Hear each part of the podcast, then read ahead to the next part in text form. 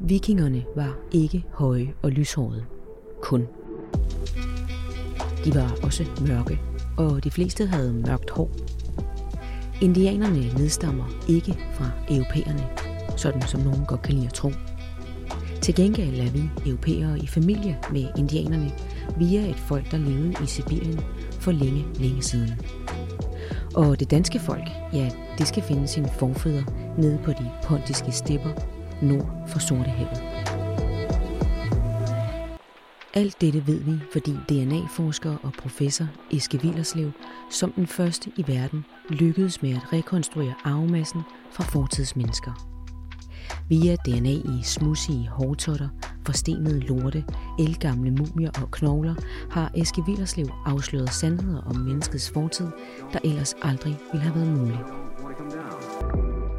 Eske Villerslev er en af verdens førende videnskabsmænd inden for sit felt. Men han er også en overtroisk videnskabsmand. En videnskabsmand, der ikke afviser noget som helst. Og som har haft adskillige oplevelser, der hverken kan forklares, måles eller vejes på den naturvidenskabelige vægt. Efter i mange år at have svævet til naturvidenskaben som der, hvor vi finder sandheden om vores eksistens, er det så på tide at løfte blikket og erkende, at verden måske er endnu vildere end det. Lad os tage på et fucking eventyr med Eske Villerslev. Eske, mm. af alle de opdagelser, du har gjort gennem tiden, øh, hvilken har så betydet mest for dig personligt? Og simpelthen så mange, mm. som der også er i bogen. Men øh, jeg tror måske, at det er øh, møde med, øh, altså da vi lavede det første arvemasse for sådan hårdtot fra australske aboriginer. Altså det var, øh, det var simpelthen en, en fuldstændig game changer, både på kan man sige, sådan det personlige plan, og også øh, videnskabeligt og etisk også. Altså, så det ramte simpelthen så mange strenge. Altså, det var, det var, det var øh, det her med at lave DNA på australske aboriginer, var noget, som videnskabsfolk som mig havde drømt om i overvis. Ikke?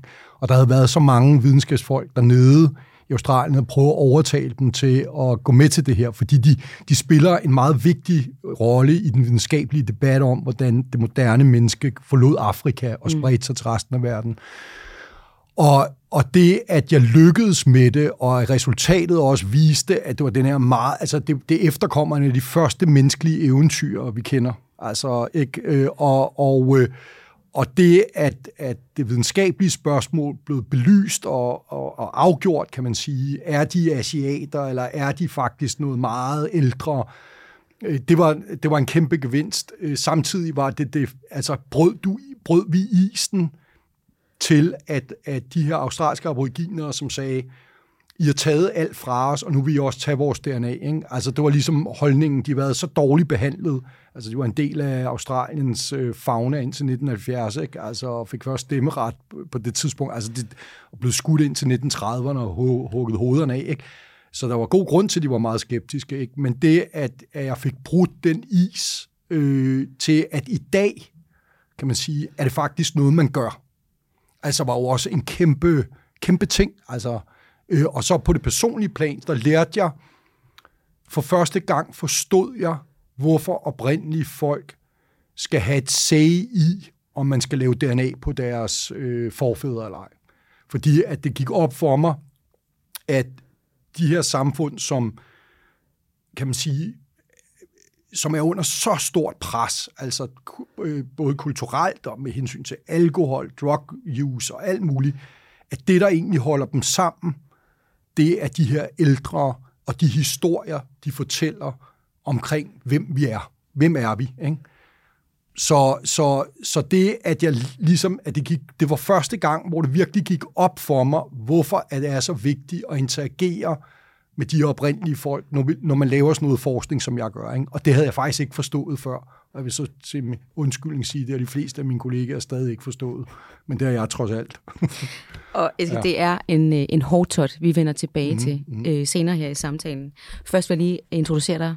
Du er jo evolutionsbiolog, og så er du professor ved Cambridge i England og ved Københavns Universitet. Så er du leder af Grundforskningscenter for Geogenetik, der må jeg lige læse det op. Jeg kan ikke bare så lige sige det. Øhm, og så har du jo netop udgivet bogen Det er et fucking eventyr, som vi skal tale om i dag. Stort velkommen. Først så skal vi lige tale lidt om din øh, meget vilde fortid som øh, pelsjæger i Sibirien. Øh, fordi jeg fornemmer lidt, det her var din, øh, det var her din sådan, fornemmelse for eventyr blev grundlagt. Mm. Som 13-årig, mm. der tager du på din første vildmarkstur mm. i Sverige. Mm. Jeg er altså ikke helt sikker på, at øh, du ikke var blevet meldt til myndighederne, hvis, Ej, hvis øh, det var sket i dag. I dag ja. øhm, altså, hvordan får man overhovedet den der idé at tage det her op som 13-årig? Jamen, altså, jeg havde, øh, du ved, i min barndom, så øh, tilbragte vi meget tid i vores ødegård i Sverige, og der boede jeg også med min far et halvt år øh, alene, og øh, der, det vi lavede, det, når vi var der, det var at sejle i kano og skyde med luftgevær og hugge brænde og, og sådan noget, ikke? Så, så allerede tidligt fik jeg sådan den der, kan man sige, eksponering til, øh, til vildmarken, og så læste jeg en bog, af en, af en øh, forfatter, der hedder Helge Ingstad, øh, som hedder Pelsjerliv i Canada. Og øh, som, som handler om en mand, der øh, altså en helt almindelig mand. Han er jurist, ikke? og som øh, smider alt, hvad han har i hænderne, og tager op til Nordkanada og lever som pelsjæger. Og, der, og, og den frihed, han beskrev øh, ved det her liv, altså fra han, øh, du ved, var sådan helt indlukket med, gik på arbejde hver dag, jeg skulle sidde og men var det jo patent øh, ansøgninger igennem, eller hvad der var, han lavede. Ikke? Og så til den her enorme frihed, som han havde i det her øh, himmerige, som han sagde, det her, denne her, det er mit slot, ikke? hele det her. Og jeg havde at gå i skole. Jeg, altså, de der ni år i folkeskolen, altså, jeg tæ, det, det var som at være i fængsel for mig, ikke? Og så opleve, at, der, at du kunne have den her frihed. Der findes en anden så, verden. Ja, der findes en anden verden, ikke? Og så tænkte jeg bare, okay, det er det, jeg vil. Men jeg vidste også, at for at kunne blive pelsjæger, så bliver du nødt til på en eller anden måde at, at opbygge noget erfaring. Altså, så jeg blev ligesom nødt til at få noget erfaring, så, så der netop i de unge år, ikke, så tog jeg til Lapland og Norge og Finland og så videre, og så videre til Sibirien, øh, til Sibirien senere, ikke? så det blev ligesom vildere og vildere fra gang til gang. Ja, fordi det er jo faktisk, at det går op for dig, at det er sådan et rigtig ægte eventyr findes i Sibirien. Ja. Fordi der er der det her brutale og uopdagede ja. land. Ja. Øhm, du er jo på flere ekspeditioner, mm. øh, og på den sidste af dem, mm. mener jeg det er, der, der tager du faktisk ud mm. og lever livet som pelsjæger. Ja. Ja. Altså, kan du ikke lige prøve at beskrive, hvordan ser sådan en dag ud som pelsjæger? Oh, øh, altså, jeg vil starte med at sige, at det er det hårdeste, jeg nogensinde har prøvet i mit liv, både psykisk og fysisk. Altså, du bliver en dag, altså du blev smidt ud i ødemarken, sammen med, jeg blev så smidt ud sammen med en indfødt og en kæmpe stor russer, øh, og jeg var ligesom den tynde kop øl i det her selskab, ikke, med små kontornusserfingre der, ikke? og kunne ikke en skid, altså, jeg kunne ikke en skid, altså, jeg var, det var ikke noget, jeg havde, jeg vidste ikke, hvordan man satte fælder op og alt det der, og, øh, og øh, dag, dagen er, altså du står op, du står op om morgenen, før solen står op, øh, og så starter du med, at hver person spiser en hel gryde hver med kokkød eller fisk. Og det er fordi, at temperaturen er så lave, det før, temperaturen falder til under minus 50 grader Celsius, ikke? Øh, så du brænder simpelthen så meget energi af ikke, i kulden, og så bevæger du dig også, du går rundt på sådan nogle øh, brede ski, med en blanding mellem ski og snesko. Og så går, er du ude hele dagen og sætter fælder op, eller prøver at finde et elstyr, som du kan skyde Øh, øh, tager fiskenet op under isen, som du har sat under isen, ikke, for at få, for, for føde. Og øh, så når du kommer tilbage til den der hytte, eller det telt, du lever i, så øh, går man i gang med at hugge branden i mørke, og så spiser du en ny gryde med kogt kød eller fisk, ikke? og så øh, lægger du dig til at sove. Og sådan kører hver dag. Men det, som gør det hårdt, vil jeg sige, udover at det er fysisk udmattende, det er, at altså, et liv i den sibiriske ødemark og blandt pelsjægerne er ikke meget værd. Altså det er, øh, som man, og tid er penge. Så det vil sige, at du tager hele tiden chancer. Altså du går over isen, hvor isen er tynd, og du ved, hvis du rører ned igennem, så er du færdig. Ikke? Altså, du, du presser hele tiden dig selv ud nogle steder, hvor at, at i hvert fald, hvor jeg, altså som ikke er sådan eller specielt modig anlagt, du ved, bare virkelig tænkte, fuck, fuck, fuck, det her er ikke godt, ikke? Og det var hver dag, ikke? Så dit, øh, så man kan sige, så, og så er de der, altså Pelsian, det var jo noget, jeg fandt ud af, altså for os er det sådan noget romantisk noget. Mm. Ikke, øh, jeg havde læst Body Long Way og sådan noget, den der tegneserie, som man måske kender, ikke med, om der, der finder sig en indianerskore og lever lykkelig i Rocky Mountains, ikke? hun er skide gudesmuk, og de får smukke børn og alt der bare romantik. Ikke? En kæft med virkeligheden at gøre, vel? Altså de her mennesker, det er jo altså, det, er det laveste i samfundet. Ikke? Det er øh, indfødte, som ikke har nogen skolegang og ikke kan gøre andet. Skide dygtige jæger, ikke? Og, og, og russerne, dem, de fleste af dem, der pelserer, det er folk, der kommer ud af, af de sibiriske fangelejre. Der har man så været, hvis man har voldtægt eller mor, ikke? Øh, eller også er det Afghanistan-veteraner. Ikke? Så det er jo, altså, det er jo brutal, altså. Mm. Så på alle lederkanter, ikke? Men, men jeg vil sige, den, altså, det fede ved det var... Er der plussider? Hvad siger du? Ja, det er der. Mm. Det er der. Altså, jeg vil sige, en af de store plussider er, at dit liv bliver ekstremt simpelt. Altså så alle de problemer, vi slås med øh, i vores moderne verden, øh, med, du ved, man går rundt og bekymrer sig om alt muligt, ikke? Og folk får psykiske problemer, ikke? Altså antallet af psykiske problemer stiger, ikke? Jeg tror, det er noget med en af fem er blevet behandlet i løbet af livstid, minimum en gang, ikke? For psykiske problemer. Dem har du bare ikke. Mm. Fordi, altså, dit liv handler om sove, æde og slå ihjel basalt set. Mm. Altså, så der er ikke så meget at forholde Overleve. sig til. Vel? Så det er sådan meget simpel, mm. altså, øh, for, altså på den måde en meget simpel øh, livsstil. Øh, så det, det, det kan noget. Det, det, det, det er der ingen tvivl om. Og du, øh, nu siger du det der med at gå igennem isen, men ja. øh, du var jo faktisk tæt på at miste livet. Ja, det var jeg. Ja. Altså, jeg, jeg får vild øh, derude. Øh, altså, jeg har altid været mega dårlig til at finde vej. Altså, ikke? Og, og man havde, så det er et godt det var før øh, GPS og sådan noget. Altså noget havde man slet ikke med. Jeg havde ikke engang kompas med. Altså, og, øh, og øh, heldigvis var det tidligt, eller det der skete var, at det var ret tidlig i sæsonen, så det var omkring minus 30 graders frost. Men der var ikke ret meget sne. Der lå sådan noget, du ved, sådan noget, en lille smule sne, hist og pist. Og så er jeg ude øh, sammen med min hunde for at prøve at, at, at, at, at, at tracke en elg. Og øh, så mister jeg, altså jeg mister simpelthen orienteringen, og så plejer jeg at gøre det, at gå tilbage i mit eget spor. Ikke? Det er sådan den sikre vej. Men fordi sneen ligger sådan, du ved, spredt rundt, så, så mister jeg mit eget spor. Jeg mister simpelthen, hvor, øh, hvor mit, mit spor er. Og jeg vader rundt, du ved, og prøve at, at, at finde den der hytte der, ikke? og det bliver mørkere og mørkere. Og til sidst, så går det jo op for mig, jamen altså, du kommer ikke til at finde den hytte, vel? Og du skal, jeg skal overnatte derude. Og man har ikke ret meget tøj på, fordi du bevæger dig hele tiden. Selvom det er koldt, så hvis du forestiller dig, at man bevæger sig hele tiden, så du kan ikke have tykt tøj på. Du har faktisk ikke særlig meget tøj på, for, fordi du, ikke, du skal kunne komme af med varmen. Ikke?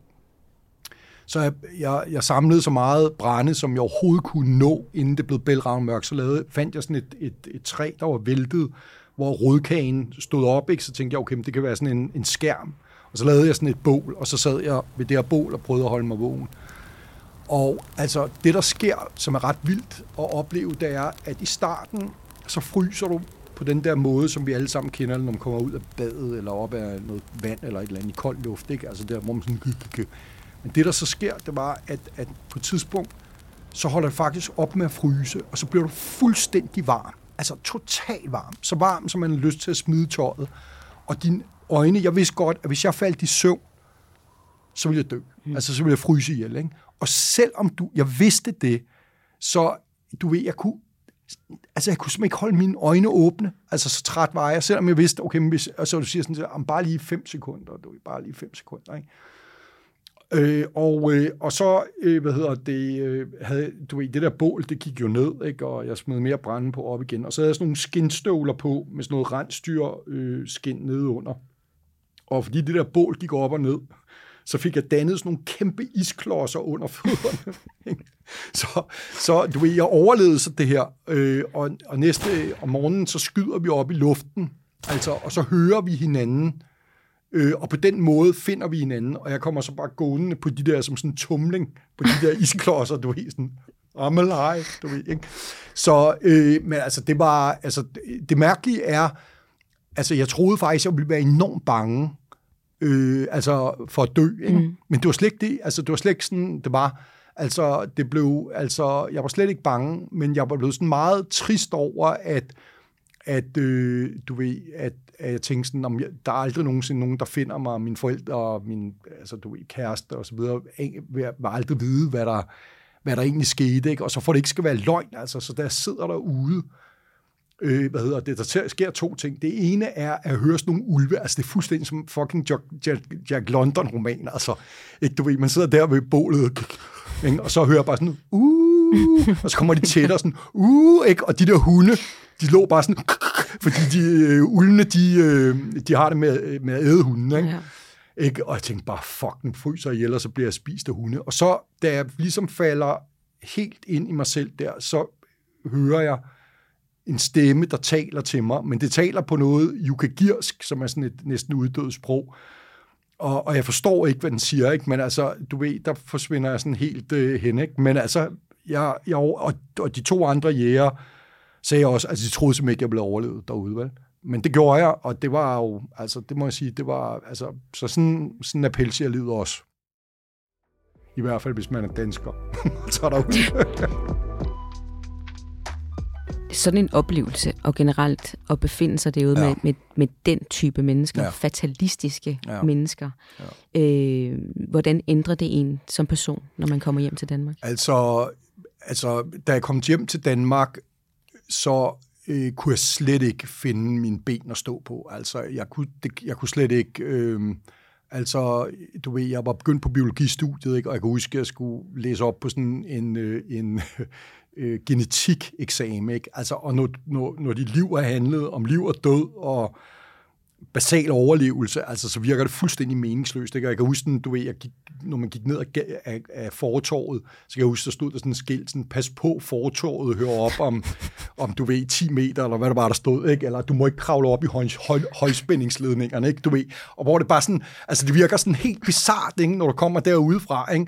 Og, øh, og jeg kunne ikke, øh, altså du ved, jeg kunne ikke sove i en seng, så jeg lå og sov på gulvet i den der lejlighed, med varmen var skruet fuldstændig væk, ikke? og så lå jeg der, og jeg kunne kun sove, og så ville jeg, jeg ville ikke smide mine jagtbukser. Altså, så der var jo sket et eller andet i hovedet på mig, ikke? Altså, jeg ville ikke smide mine jagtbukser. Så jeg kom ind på det der studie til de der forelæsninger i de her sibiriske jagtbukser, som var fuldstændig sorte, på lovene af blod, ikke? for alle de der dyr, jeg havde stået og parteret, og, og, og du ved, min, min studie, de der på studiet sad jo bare sådan, hvad fanden er det for en psycho, altså?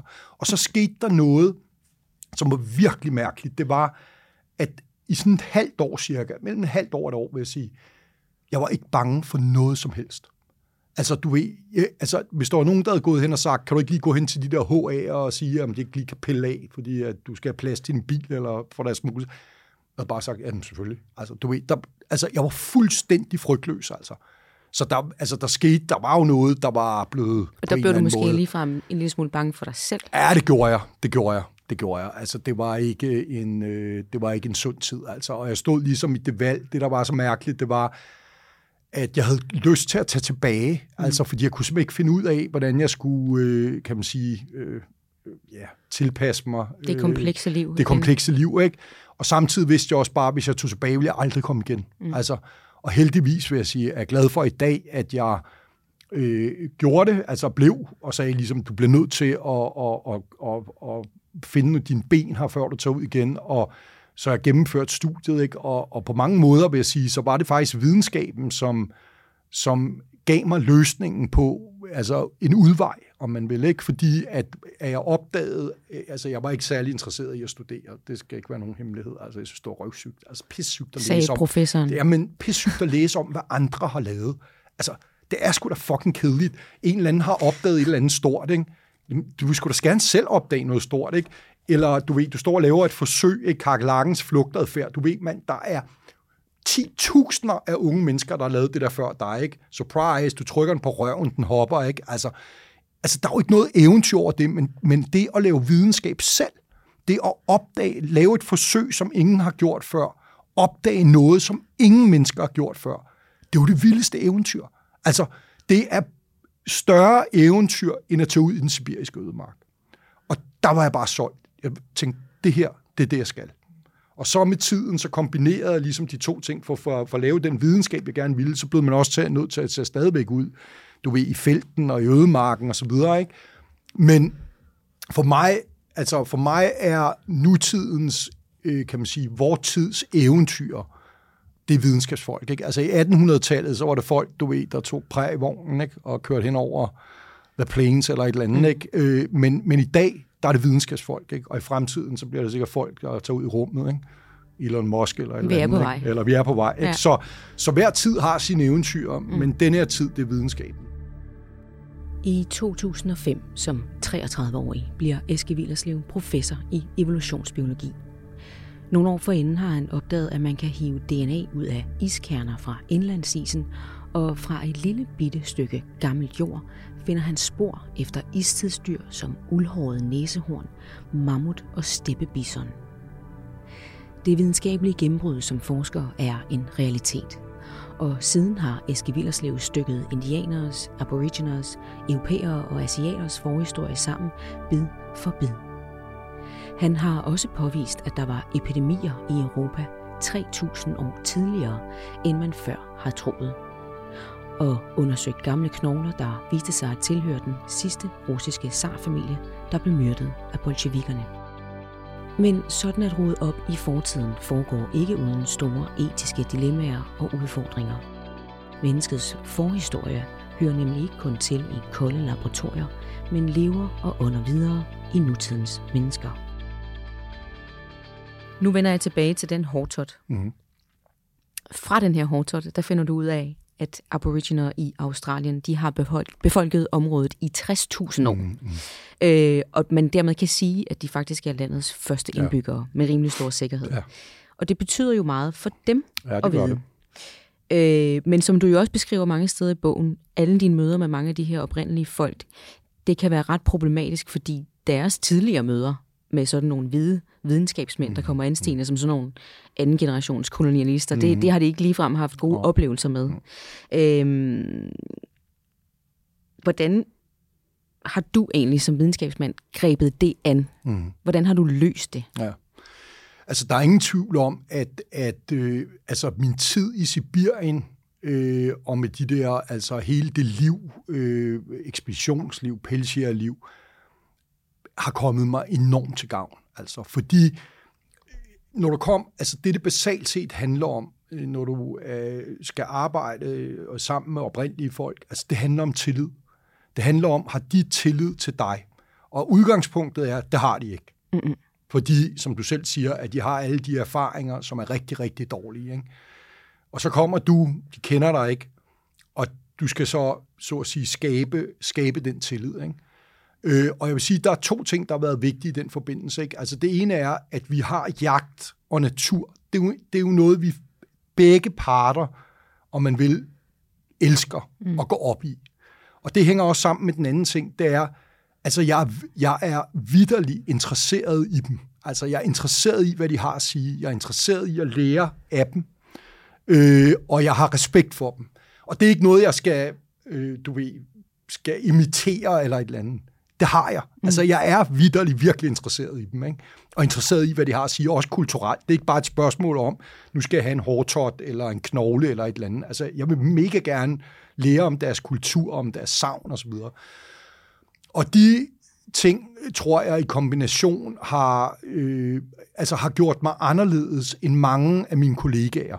Altså, de fleste videnskabsfolk er jo, altså rigtig mange videnskabsfolk, lad os sige på den måde, ikke? det er jo folk, du ved, de var gode i skolen, ikke? de er pisse gode til at boge den, øh, de kunne lide at gå i skole, og, øh, og øh, så øh, arbejder sidder de på et mest, laboratorium. ved, sidder de på et laboratorium et mm. eller andet sted, ikke? Øh, altså, øh, det, det, det er ikke så mange, især slet ikke, som laver DNA i hvert fald, som er feltfolk. Altså, som også kan lide det der med at gå ud i felten og møde og, og, og er nysgerrige på, på andre kulturer, for eksempel. Ikke? Altså, de er måske meget fokuseret lige bare på det spørgsmål, ikke? Og, og jeg kan huske, du ved, jeg, en, vi konkurrerede med sådan en Nobelpristager fra Australien, for eksempel, om hvem der først fik lavet det, øh, det der aboriginergenomet. Ikke? Og han tog ud til nogle aboriginer, ikke? samtidig nogenlunde med mig, og så prøvede at overtale dem til også at afgive prøver til at lave det her. Og så havde de sagt til ham, sagde han til mig, så havde de sagt, du, om vi vil gerne have, at du går igennem, at deltage i den her ceremoni. Så vi, øh, og så havde han sagt, sådan noget der, det tror jeg ikke på. Farvel, ikke? Mm-hmm. Altså, jeg var come on, ikke? Ja. Altså, hæng mig op, whatever, ja. altså. Du ved, ikke? Så, så det, det giver en forskel, ikke? Øh, og så har jeg gjort meget ud af at invitere dem. Altså, jeg tager ud til dem med at invitere dem også, når vi laver sådan noget arbejde, invitere dem, øh, nogle af dem øh, repræsentanter til København eller Cambridge, eller hvor det nu er, jeg laver arbejdet, så de kan møde de mennesker, som sidder og laver det, øh, så, så de kan få, og de mine studerende og unge forskere kan få en forståelse af, hvor de der mennesker kommer fra, og hvorfor at de er, kan man sige, skeptiske. Ikke? Så, så der ligger, altså, øh, jeg, jeg gør noget ud af, mm. at det skal være en ordentlig oplevelse for dem. Man får øh, i hvert fald også en bedre forståelse af dit forskningsfelt, fordi det jo er øh, forskning i fortiden, ja. men øh, fortiden hænger ligesom sammen med nutiden. Fortiden den. lever på en måde stadig os alle sammen. Ja. Øh, og jeg synes, der er en, en ret øh, fin historie, der beviser sammenhæng i det. Mm. Øh, nemlig, hvordan man i 60'erne finder et lille bitte barneskelet mm. i den amerikanske stat Montana. Øh, det blev jo anset for at være det ældste menneskeskelet, der er fundet mm. i Nordamerika. Mm. Vil du ikke fortælle historien om, hvorfor det her skelet det kom til at få så stor betydning mm. for øh, særligt indianerne? Jo. Altså, det, der var aldrig nogensinde, på grund af politisk konflikt mellem forskere og, og indianere, øh, så var der aldrig nogensinde lavet et genom fra et fortidsmenneske i Amerika på det her tidspunkt. Altså, og det er jo fordi, at det var så betændt, kan man sige, den her diskussion om, hvem er de første mennesker i Amerika? Er det indianernes forfædre, eller var der nogle andre mennesker? Og øh, det her lille barneskelet var nøglen til, øh, en meget vigtig nøgle til at besvare det her spørgsmål, fordi, som du sagde, det er det ældste skelet, vi har i Amerika. Det er det eneste, der er forbundet med den såkaldte klovisk kultur, som alle forskellige teorier har en forudsigelse om, hvad skulle være. Skulle det være en australsk aboriginer? Skulle det være en europæer? Skulle det være en anden type asiater? Skulle det være en amerikansk Ja, altså indianer? hvor indianerne kom fra. Lige, ja, hvor de første mennesker i Amerika kommer ja, fra. Ja. Og der er altså nogen, der mener, der har været andre mennesker inden, og så kom indianerne senere og slog dem ihjel mm. og overtog. Og du kan godt se, hvis det var, har været europæere, som nogen sagde, at det faktisk var europæer, der var der først, ja, så er det sådan, ligger der lidt i det, du ved, vi kom bare tilbage mm. og tog det, der i virkeligheden mm. var vores. Ikke? Så der er en masse identitet på spil. Udover det øh, er der mange indianerstammer, der har et meget helligt forhold til deres forfædre. Altså man vil ikke have, at man graver dem op, man vil ikke have, at man skærer i dem osv. osv. Øh, og derfor er det aldrig, kan man sige, det, det er simpelthen ikke været muligt at lave de her, øh, den her type forskning før. Ikke? Og så var der det her skelet øh, i Montana, og øh, det var fundet på privat jord, så det var, øh, kan man sige, en bondemand, altså der basalt set øh, bestemt over det her skelet. Det lå i en bankboks i hans kælder, ikke? 12.600 år gammelt skelet.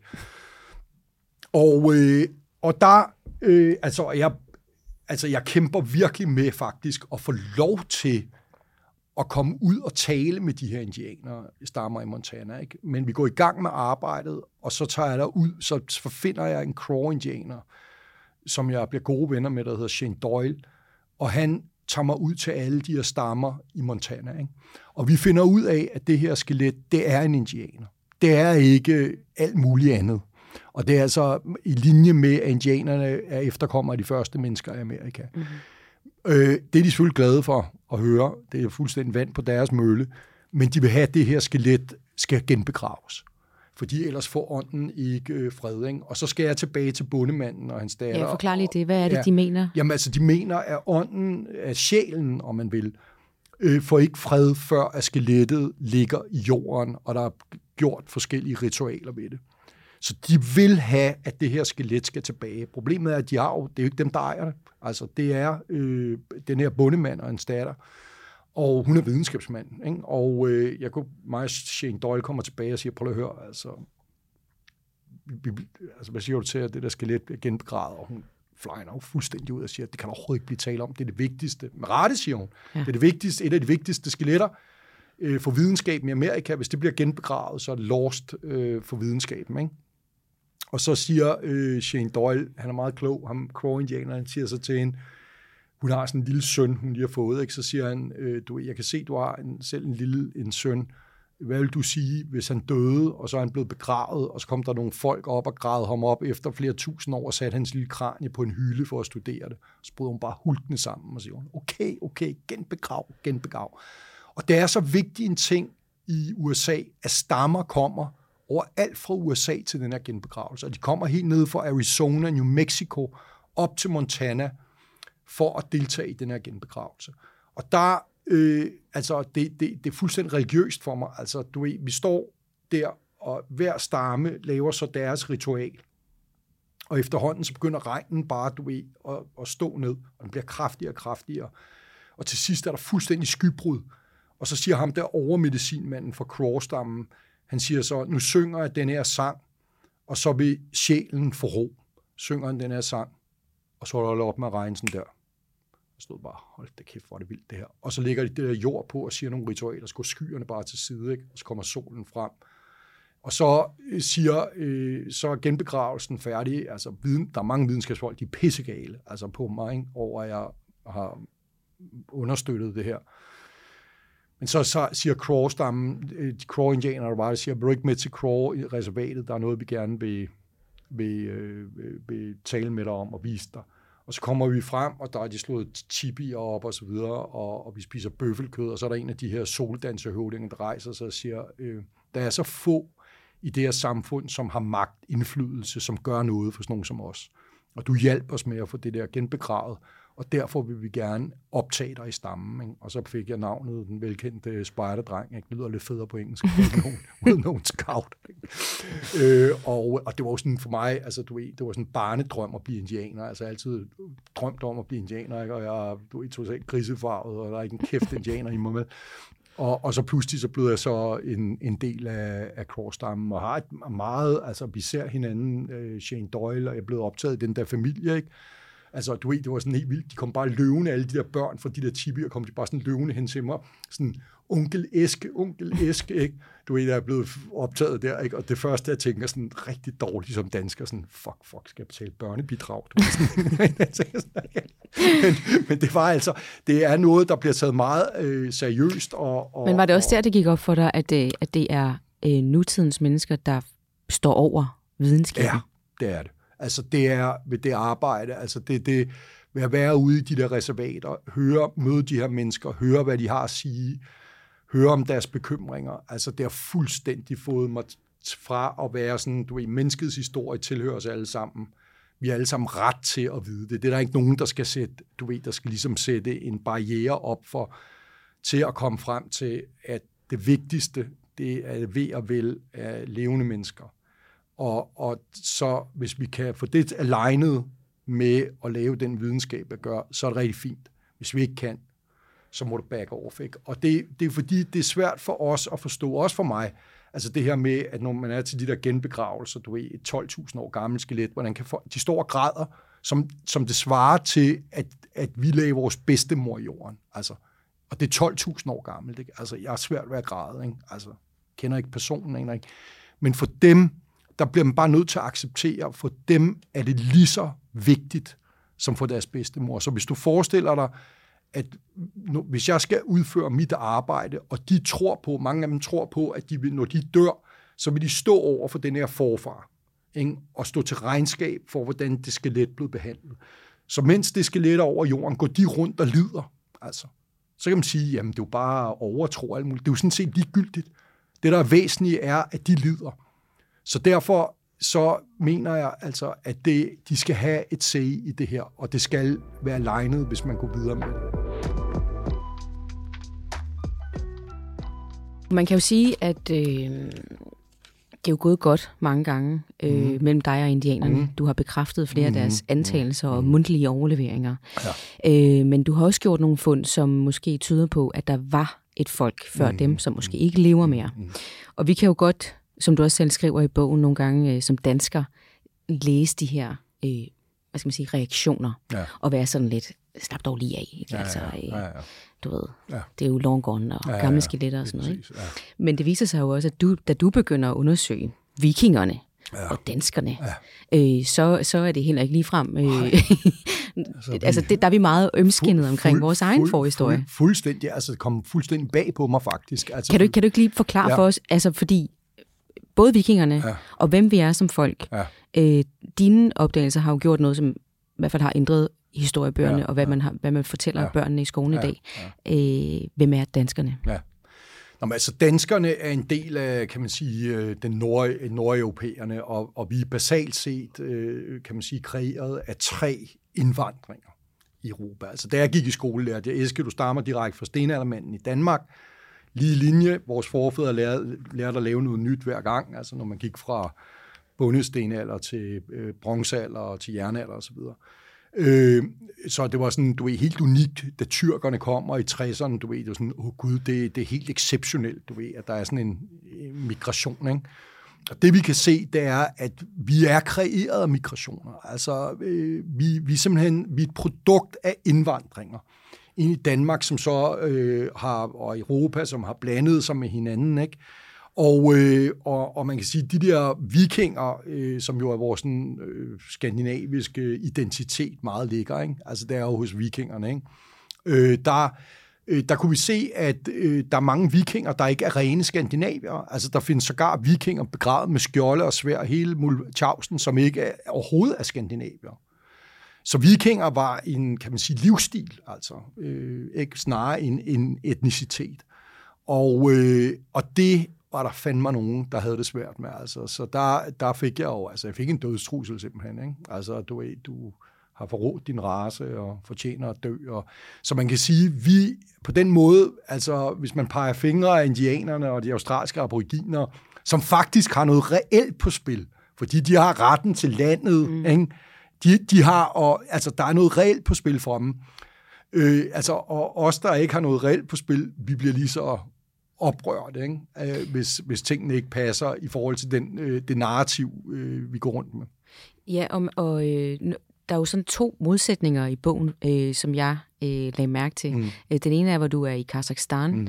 Øh, de mennesker, der bor der, har jo øh, en anden stolthed omkring ja, at være et totalt mixet ja, folk, fordi det var her, hele verden kom forbi. Ja, og så kan man øh, zoome ned i en, øh, i en foredragssal i Danmark, ja, hvor du sidder ja, over for Pia Kjærsgaard, ja, ja. hvor du forklarer, at ja, ja. vi er alle sammen indvandrere, og vi har været inde og ude, og vi, ja, ja, ja. du ved, ja. vi kan ikke spore os selv tilbage i tusindvis og tusindvis og tusindvis af år. Øh, og det er hun ikke sådan helt op, og, altså hun sidder ikke og klapper. Nej, det gør hun ikke. Hun sidder og stiger ned i jorden. Hvad? Lars Lykke klapper. Han var der også. Hvorfor er det, vi har sådan et behov for at kunne... Fordi vi har jo ikke det her forhold til jorden. Der er nogen, der er kommet ja, og taget vores jord, ja, som indianerne ja, ja. føler.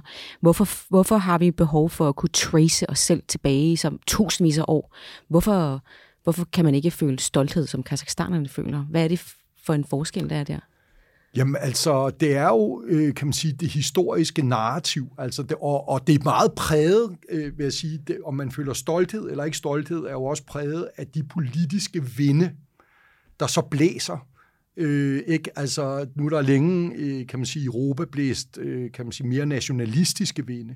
Og der er det klart, at, at, at det fitter ikke godt med den virkelighed, vi beskriver. Sådan her var det. Vi er mm. immigranter alle sammen, ikke? Vi er faktisk ikke så forskellige fra hinanden. Ikke når du ser nogen, der ser anderledes ud end dig, så er det en distant cousin, ikke? altså snarere ja. en eller anden. Ikke? Og det er klart, det passer ikke godt med den fortælling om, at øh, den her mere nationalistiske fortælling om, vi er meget unikke, og derfor vi, vi, skal, vi skal værdsætte og, og værne om, om det, vi har, fordi det er så unikt. Ikke? Mm. Så de to ting, øh, kan man sige, clasher. Og vi har mest ret til at være her. Ja, lige præcis. Går. Hvem har mest ret til ja. at være her? Ikke? Mm. Nemlig, ikke? Øh, hvor at man kan sige, at i Kazakhstan, der er, har man, har man længe, altså, altså de, der har man længe vidst, altså fra kulturgenstanden, at der har været mongoler inde, der har været hunder inde, der har været alle mulige inde. Og man har ligesom embraced det og sagt, gud, de vil alle sammen være her. Vi har det fedeste land alle vil forbi, ikke? Mm. Og det er så det, det kan man sige, den, den historie, øh, de, men, men altså, jeg må sige, jeg er person, altså nu er det nok, fordi jeg er videnskabsmand, og jeg er sådan, at det er det, jeg sidder og arbejder med, ikke? Og så derfor, det er meget svært for mig at forstå, hvorfor at vi lægger så meget identitet i det. Men det gør vi. Mm. Det må man bare sige, og det er over hele verden. Ja. Altså, der, der ligger en, altså, man, man, det er ret interessant, ikke? fordi historie og historieundervisning er sådan noget, der altid, det, det er sådan noget, du ved, der er sådan talt ned, du ved, det er sådan, hvorfor skal man have det, og du ved, det kan ikke lave, det kan ikke lave produkter, vi kan tjene penge på, og, og så videre. Men i virkeligheden er det ekstremt vigtigt for os.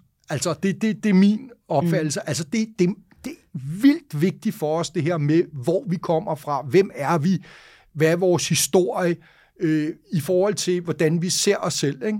Altså, og, og, og, så historie er, altså, det, man må bare sige, det spiller en kæmpe rolle i, i, i, hvem vi er, og også hvordan vi ser på andre mennesker. Ikke? Du er jo videnskabsmand. Ja. Og øh, man kan sige, det her det er jo et, et, et, det er jo et, et, et spændende spørgsmål, mm. at vi altid stiller os selv det spørgsmål, mm. hvem er vi mm. som mennesker? Mm. Måske kan det også hænge sammen med det, man netop ikke har formået at måle mm. og veje endnu. I 1992 skyder Eske Willerslev sin første bjørn et sted i Sibirien. Han beslutter sig for at tage bjørnekraniet med hjem til København som trofæ. På trods af, at de lokale faktisk advarer ham om, at bjørnens kranie bør blive, hvor det er – det bør sømmes op i et træ, så bjørnen til evig tid kan skue ud over sine jagtmarker. Ellers kan bjørnens ånd forfølge Eske. Men Eske hører ikke efter. Bjørnen skal med hjem. Men da han kommer hjem, begynder alting at gå fuldstændig skævt. I desperation tager han til sidst op i Sverige og hamrer bjørnekraniet op i et træ. Herefter retter tingene sig om sider. Eske Villerslev har siden haft et utal af den slags overtroiske eller åndelige oplevelser. For eksempel da en medicinmand fremkalder et sært blågrønt lys i en kulsort kælder, som ifølge de tilstedeværende er selveste Sitting Bulls ånd. Men hvordan hænger accepten af sådan nogle fænomener egentlig sammen med at være en videnskabsmand? Sådan en, der bruger sit liv på at fremskaffe viden baseret på hård videnskabelig metode mange vil måske tænke, at det står i direkte modsætning til det at være videnskabsmand. Mm-hmm. Ja, det synes jeg jo på ingen måde, det gør. Jeg vil faktisk sige, øh, for mig er det helt omvendt. Altså, som videnskabsmand, så ved du, er du godt klar over, at der er rigtig mange ting, du ikke kan forklare. Altså, og der er rigtig mange antagelser i det, du så siger, du kan forklare det ligger der mange underliggende antagelser i at komme frem til det resultat. Jeg tror selvfølgelig på, som videnskabsmand, tror jeg på, at vi bliver klogere ved, ved videnskabelige metoder, bliver klogere og klogere på verden, og kan forklare mere og mere verden korrekt og, og, og med videnskab. Men det ændrer ikke ved, at størstedelen af, hvad der foregår, kan vi ikke svare på. Og det er der, hvor jeg, jeg har det sådan, hvis, hvis, du, hvis du som udgangspunkt som videnskabsmand ligesom siger, Øh, du ved, det, der ikke kan veje, øh, øh, vejes og måles, det har ikke nogen værdi. Det, det er ikke virkeligt, altså. Ikke? Mm. Så øh, kan man sige, lukker du dig selv ind i en boks, hvor, hvor man siger, jamen, det, jeg er ikke open-minded på, at der er nogle grundlæggende ting, som vi ikke har forstået endnu. Ikke? Altså, og, og i princippet mener jeg sådan set, så kan du lige så godt lukke din computer og gå hjem som videnskabsmand. Fordi det, der er vores fineste opgave, som videnskabsfolk, det er at blive ved med at stille spørgsmål på, om verden hænger sådan sammen, som vi går rundt og tror. Ikke? At det, vi antager, er, er rigtigt, ja, er det i virkeligheden rigtigt? Og for at kunne gøre det på en ordentlig måde, bliver du nødt til at være open-minded på, at tingene kan hænge anderledes sammen, end man tror. Og det er der, hvor at religiøs overbevisning, øh, det vi kalder, øh, du ved, øh, øh hvad hedder det, overtro og øh, nogen vil kalde det humbug, eller hvad fanden det nu, øh, hvad, hvad man nu kalder det, spiller ind. Ikke? Fordi noget af det kan godt være rigtigt. Mm. Altså, ikke fordi vi ikke bare lige kan måle og veje det. Når du ikke kan måle og veje noget, så kan det være, fordi du måler og vejer på det forkerte. Det kan være, fordi at din, din, din måling eller vejning ikke er fint nok. Ikke? Der kan være mange forklaringer. Altså et negativt resultat i videnskab er næsten ingenting værd. Der, hvor videnskaben har en power, det er, når du får et positivt resultat. Så alt det, der, du ved, hvor man siger, jamen, det kan vi jo ikke måle, det kan vi ikke se, det kan vi ikke, det har faktisk ikke, det har faktisk ikke nogen, øh, det har ikke nogen videnskabelig tyngde, om mm. man vil. Og det er jeg bare meget bevidst om, og derfor er jeg meget åben for, at der kan være andre ting øh, til stede, og kan foregå andre ting. Synes du, at øh, nu har du mødt mange af de her oprindelige folk mm. og, og, og mødet med gamle kulturer rundt omkring i verden. Mm. Er der noget, som du tænker, når du kommer hjem til øh, moderne Danmark, mm. hvor vi jo bare svæver mm. ja. til naturvidenskaben? Ja. Ja. Øh, er der noget, du tænker, at vi går glip af her i livet, eller ikke forstår, fordi vi mange af os kommer til at affærdige sådan mm. nogle forklaringer? Ja, altså rigtig mange ting. Altså jeg vil sige, det min mine møder med de der forskellige kulturer har, øh, har virkelig formet og ændret min opfattelse af verden. Altså bare noget så basalt som det her med, at når jeg er sammen med Shoshone indianerne ikke, øh, nede i Nevada, at, at når du går ind i hulerne og skal tage noget for, til at bruge videnskabeligt, hver gang du tager noget, så skal du give noget. Altså, så du tager aldrig noget uden at give noget. Og bare prøv at tænke på en så simpel ting, at hvis vi efterlevede det i vores, kan man sige, verden, ikke, øh, i den vestlige øh, øh, verden, altså, så vil vi ikke stå over for mange af de problemer, vi står over for i dag med klimaforandringer ikke? og andre katastrofer, fordi basalt set det, vi har gjort, det er bare at tage og tage, uden at levere noget tilbage af andet end dårligdom, ikke? altså røg og gas og CO2 og jeg ved ikke hvad. Altså, så, så sådan en så basal ting, øh, som jo er meget, meget simpel i virkeligheden, men som kunne være en game changer mm. i forhold til nogle af de problemer, vi står overfor. Så ja, altså jeg synes, der er mange ting, øh, jeg har lært. Og jeg vil sige, en ting, som jeg også har lært, som jeg synes er rigtig vigtigt, det er, jeg har aldrig mødt mennesker, som gjorde noget for at være onde. Så når vi ikke forstår mennesker, når vi ikke forstår, hvorfor, hvor andre kommer fra, og du læser i pressen, du ved, ikke, terrorister, det er sådan nogle onds, ondsindige folk, øh, Putin, ikke? altså, ikke, er the devil himself, og så videre, så videre. Altså, jeg må bare sige, min erfaring er, hvis du sætter dig ned med mennesker fra andre kulturer, andre steder i verden, og har en samtale, ligesom du og jeg har lige nu, så kan du godt forstå, hvorfor de gør Du behøver ikke altid være enig med dem. Det er noget andet. Men du kan godt forstå, hvor de kommer fra. Og det vil jeg sige, det er også en stor gave, synes jeg, jeg har fået. Altså fordi, at det, det gør, at jeg ser på andre mennesker på en anden måde. Altså jeg ser dem ikke som værende, uh, de onde, de værkelige, de, de, de har også deres grunde til at gøre det, de gør, og sige det, de siger. Så det vil måske kunne øh, undgå, at vores verden var lige knap så sort ved, hvor vi jo netop snakker sige. meget i at være ja, ond og god. Og vi er i hvert fald de gode, er vi jo ikke selv i tvivl om. øhm, til sidst her, Eske, ja. der står en meget flot vodkaflaske ja. her ved siden af os. Ja. Den, øh, det vodka har jo spillet en stor rolle for dig løbende øh, gennem dit liv. Det har spillet en stor betydning i dit ja. liv, ja. ja. ja øhm, Sådan symbolet på Ruslands øh, turen, ikke? Alt jo. i Rusland bliver jo... Øh, bliver jo, altså alle aftaler, alle, om det er videnskabelige aftaler, om du skal ud og flyve med en helikopter, øh, whatever aftale du har, øh, så bliver det jo manifesteret med en gang, med en gang vodka. Ikke? Der er ikke noget, altså, der ikke kan fikses med det. Der er ikke noget, der ikke Det er ligesom, du ved, det er ligesom at man nærmest øh, du ved, skriver under på et papir, eller giver hinanden et håndslag og siger, okay, nu har vi den aftale. Ikke? Det er også så meget dejligt øh, symbol på, at alt ikke er så rationelt, ja. som øh, man kan gå rundt nogle gange ja. og tro. Øhm, er, øh, spiller vodka en, øh, en rolle i din kommende eventyr må jeg spørge, hvad du sidder og arbejder på lige nu? Lige nu? Altså lige nu, der øh, sidder jeg faktisk og prøver at, at, at transformere de, øh, alle de her øh, data, hvor vi kortlægger menneskets historie, ikke? og som bogen her handler om. Det er det, den handler om. Hvor kommer vi fra? Hvordan er vi blevet til dem, vi er?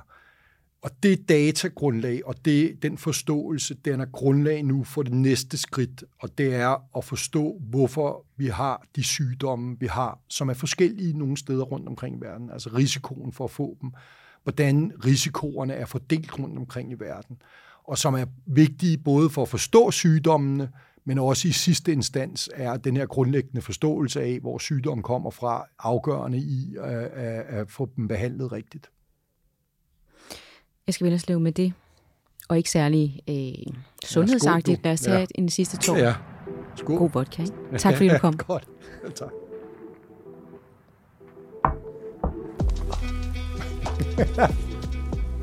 Jeg vil godt lige her til sidst komme med en advarsel. I Eske Villerslevs nye bog, Det er et fucking eventyr. Møder du alt fra sibiriske jægere med ansigtstatoveringer, amerikanske cowboyforskere og aboriginer, der egentlig lever et moderne liv, men som stadig kan kaste et blik på jorden og sige, her kom en kænguru forbi for en time siden. Du er med inde i meksikanske bjerggrotter, i den australske bush og i indianske svedhytter. Og det er her, jeg advarer. Langsomt, men sikkert er du altså ved at snøre vandrestøvlerne og omlægge sommerens campingtur på Rodos til en overlevelsestur i den sibiriske ødemark. Og det er ikke sikkert, at din familie er 100% med på den. Det vil faktisk være en helt naturlig reaktion, for mennesket har til evig tid grundlæggende været drevet af eventyr og nysgerrighed, viser Eske Willerslevs forskning. Og måske vil bogens mange eventyr også vise dig, at elgamle kulturer og oprindelige folk kan lære os mere om livet, end vi sådan lige går og tror.